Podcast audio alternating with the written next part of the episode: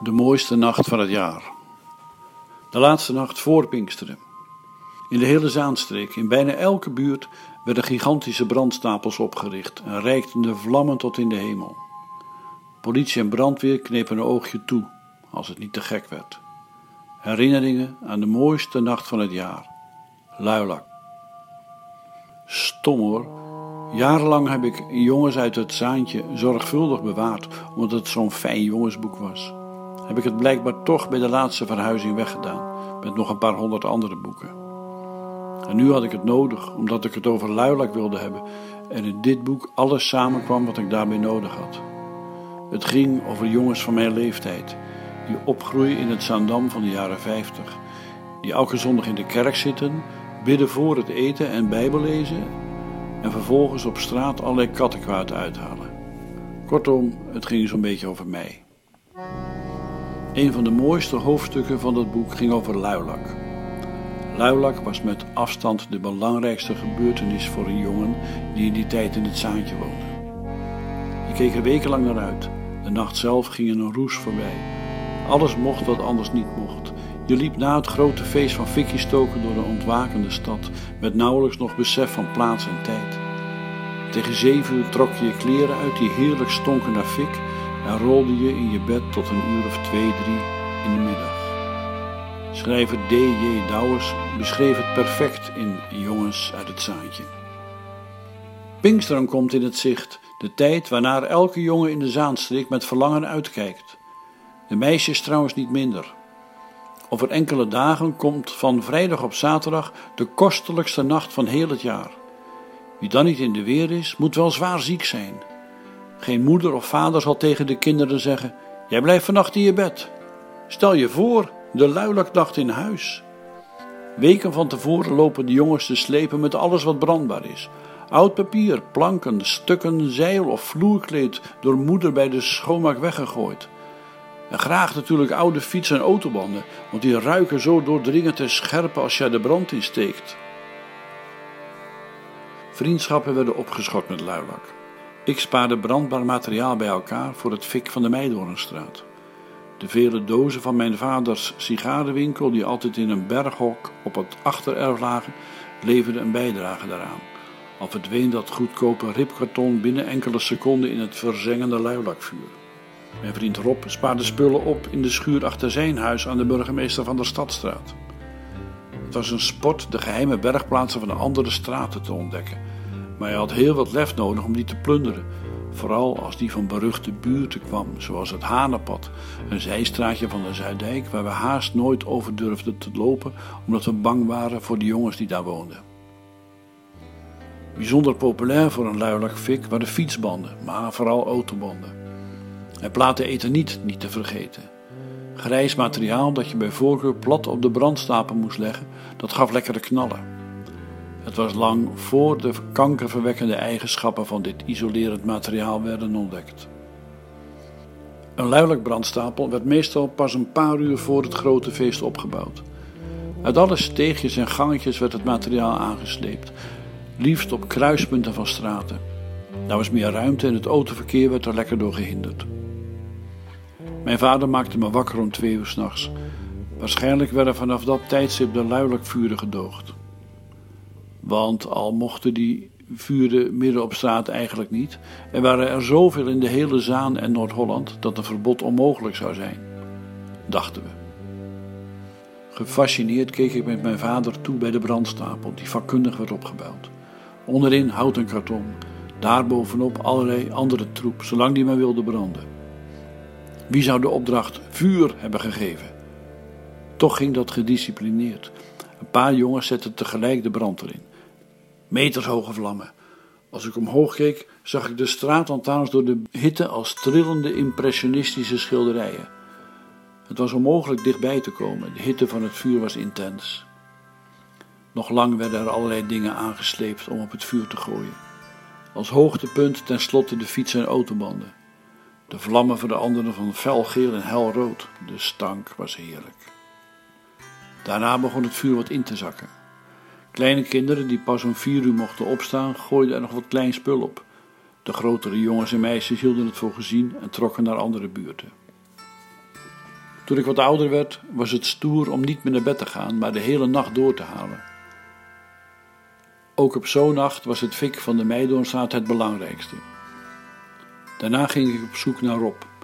Ik had afgesproken dat ik hem zou ontmoeten bij het fik van de Van der Stadstraat. Maar ik ging niet rechtstreeks, eerst wandelde ik naar het Vissershop. Vanaf de Notenlaan kon ik het fik aan de overkant van de Zaan zien. De brandstapel van de havenbuurt was legendarisch, maar ik durfde daar zelfs niet in de buurt te komen. De lui van de haven waren beruchte vechters die harde vuisten hadden en nog veel hardere knuppels. Hun fik weerspiegelde in het rustige zaanwater. Het was nog altijd gigantisch hoog, al moest het al uren branden en begon in het oosten de hemel al roze te kleuren. Rob kon ik zonder veel moeite vinden. Hij was inderdaad bij het fik vlak bij zijn huis. Hij vertelde dat de brandweer was langsgekomen en het vuur in een minuutje had geblust. Het was te dicht bij een lantaarnpaal opgebouwd. Even de hoge drukspuit erop, klaar. Het was nu tijd om warme bollen met stroop te halen bij Bakker de Zeeuw. Een oude luilak-traditie. Voor vijf cent een hete witte bol waar de bakker stroop op had gesmeerd. Daarna liepen we richting de burcht. Er werden vaak activiteiten georganiseerd om te voorkomen dat de jeugd overal in de stad ging rondhangen en misschien voor overlast ging zorgen. Maar er draaiden alleen maar films, zonder geluid zelfs. Vroeger hadden we hier nog wel naar optreden van bandjes gekeken. Dan maar richting Stationsstraat, waar straks bij het ochtendgloren de corriewedstrijden tussen de lagere scholen in Zandam zouden beginnen. Zeepkistraces, waarbij de karretjes werden getrokken door een stuk of acht jongens en meisjes. Halverwege het traject moesten de karretjes in het water gedompeld worden, zogenaamd om de hete assend af te koelen. We vonden er niet van aan en vertrokken al na een half uurtje weer. Langzaam kwam de zon op boven Zandam. We stonken als een oordeel en we beleefden de mooiste nacht van het jaar. We bekeken de fikken onderweg. Morgen zou dit alles verdwenen zijn, zo wisten we, en dan moesten we weer een jaar wachten op dit prachtige feest. De rest van het jaar en soms nog jaren daarna zouden de Zaandamse straten de littekens dragen van de luilakfikken. Straatstenen knapten door de intense hitte van de vuren. Dat kon niet langer, vonden gemeentebestuur en politie, die ook genoeg hadden van alle baldadigheden en vernielingen. De dag na Luilak lazen we stevast in de tyfoon over relletjes die tijdens Luilak hadden plaatsgevonden. Markiezen van winkels die in de fik waren gestoken, ruiten die waren ingegooid, jongens die met elkaar hadden gevochten, de brandweer die allerlei fikken had moeten blussen die een bedreiging waren voor de huizen in de buurt. In de jaren daarna was het stoken van fik alleen nog toegestaan op de aangewezen plekken. Daar was niks aan natuurlijk. Maar als je je brandstapel midden op straat ging bouwen, kwam binnen de kortste keren de brandweer een einde aan maken. Luilak werd alleen nog toegestaan op ondergelopen landjes en op andere oninteressante plaatsen. Activiteiten zoals concerten of films op de burcht vonden niet meer plaats. In 1960 deed ik als leerling van de onderbouw van het Zalands Lyceum nog mee aan de cordiewedstrijden in de Stationsstraat. Maar een paar jaar later werden die ook al niet meer georganiseerd. Zou ergens in een Zaans museum nog een origineel korrewagentje zijn te vinden? Luilak anno nu is een vage herinnering aan de mooie nachten die wij ooit meemaakten. Waarin je de hele nacht door de stad zwierf en in je bed rolde als de vogels al volop aan het jubelen waren. De volgende dag was het eerste Pinksterdag. De jongens uit het Zaantje gingen natuurlijk met Pinkster naar de kerk, net zoals wij. Maar naar welke kerk? Ik moet het weten.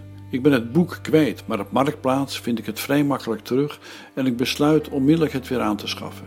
Voor 7,5 euro, inclusief portokosten, komt het mijn kant op. De volgende dag al ligt het pakje in de brievenbus. In veel mooiere staat dan het stuk gelezen exemplaar dat ik ooit had. De viering van Eerste Pinksterdag is het slothoofdstuk van het zwaar christelijke boek. Het is ook het hoofdstuk waarin alles samenkomt. Hoofdpersoon Cor Koppenol en zijn vriend Teun hebben ruzie gemaakt. Maar in de aanloop van het Luilak en Pinksterfeest hebben zij het weer goed gemaakt. Ze gaan naar de gereformeerde Stationsstadkerk.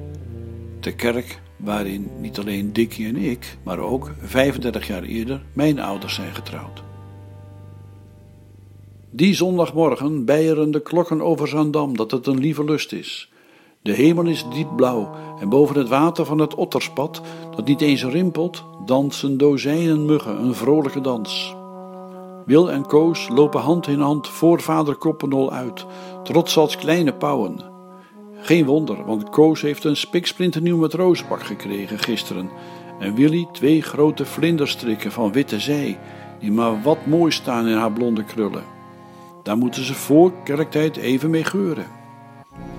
Het is vandaag voor heel wat mensen een bijzondere dag. Ook voor Miep, die altijd hun hulp in huis is. Cor weet er iets van. Vanmorgen zal ze met nog zestien anderen beleidenis doen. Hij heeft het al verschillende malen meegemaakt in de kerk en het lijkt hem een plechtige gebeurtenis. Wat is het toch eigenlijk, dat beleidenis doen? Worden de mensen dan ineens vroom? Dat schijnt wel zo te wezen, want kort na de beleidenis is er in de kerk avondmaal en dan mogen die mensen er ook naartoe. Tjonge, nee, hij zou niet durven. Je moet natuurlijk wel heel veel van God houden als je zoiets gaat doen. Luilak wordt niet meer gevierd door de jongens in Zendam. Het gebouw van de Stationsstraatkerk, gebouwd in 1874, huisvest tegenwoordig een ander kerkgenootschap. Het Otterspad heet nu Klokbaai en de wegsloot langs is verdwenen. Met Pinksteren zijn er nauwelijks nog gelovigen die beleidenis doen. Alleen een jongen uit het zaantje, dat blijf je je hele leven.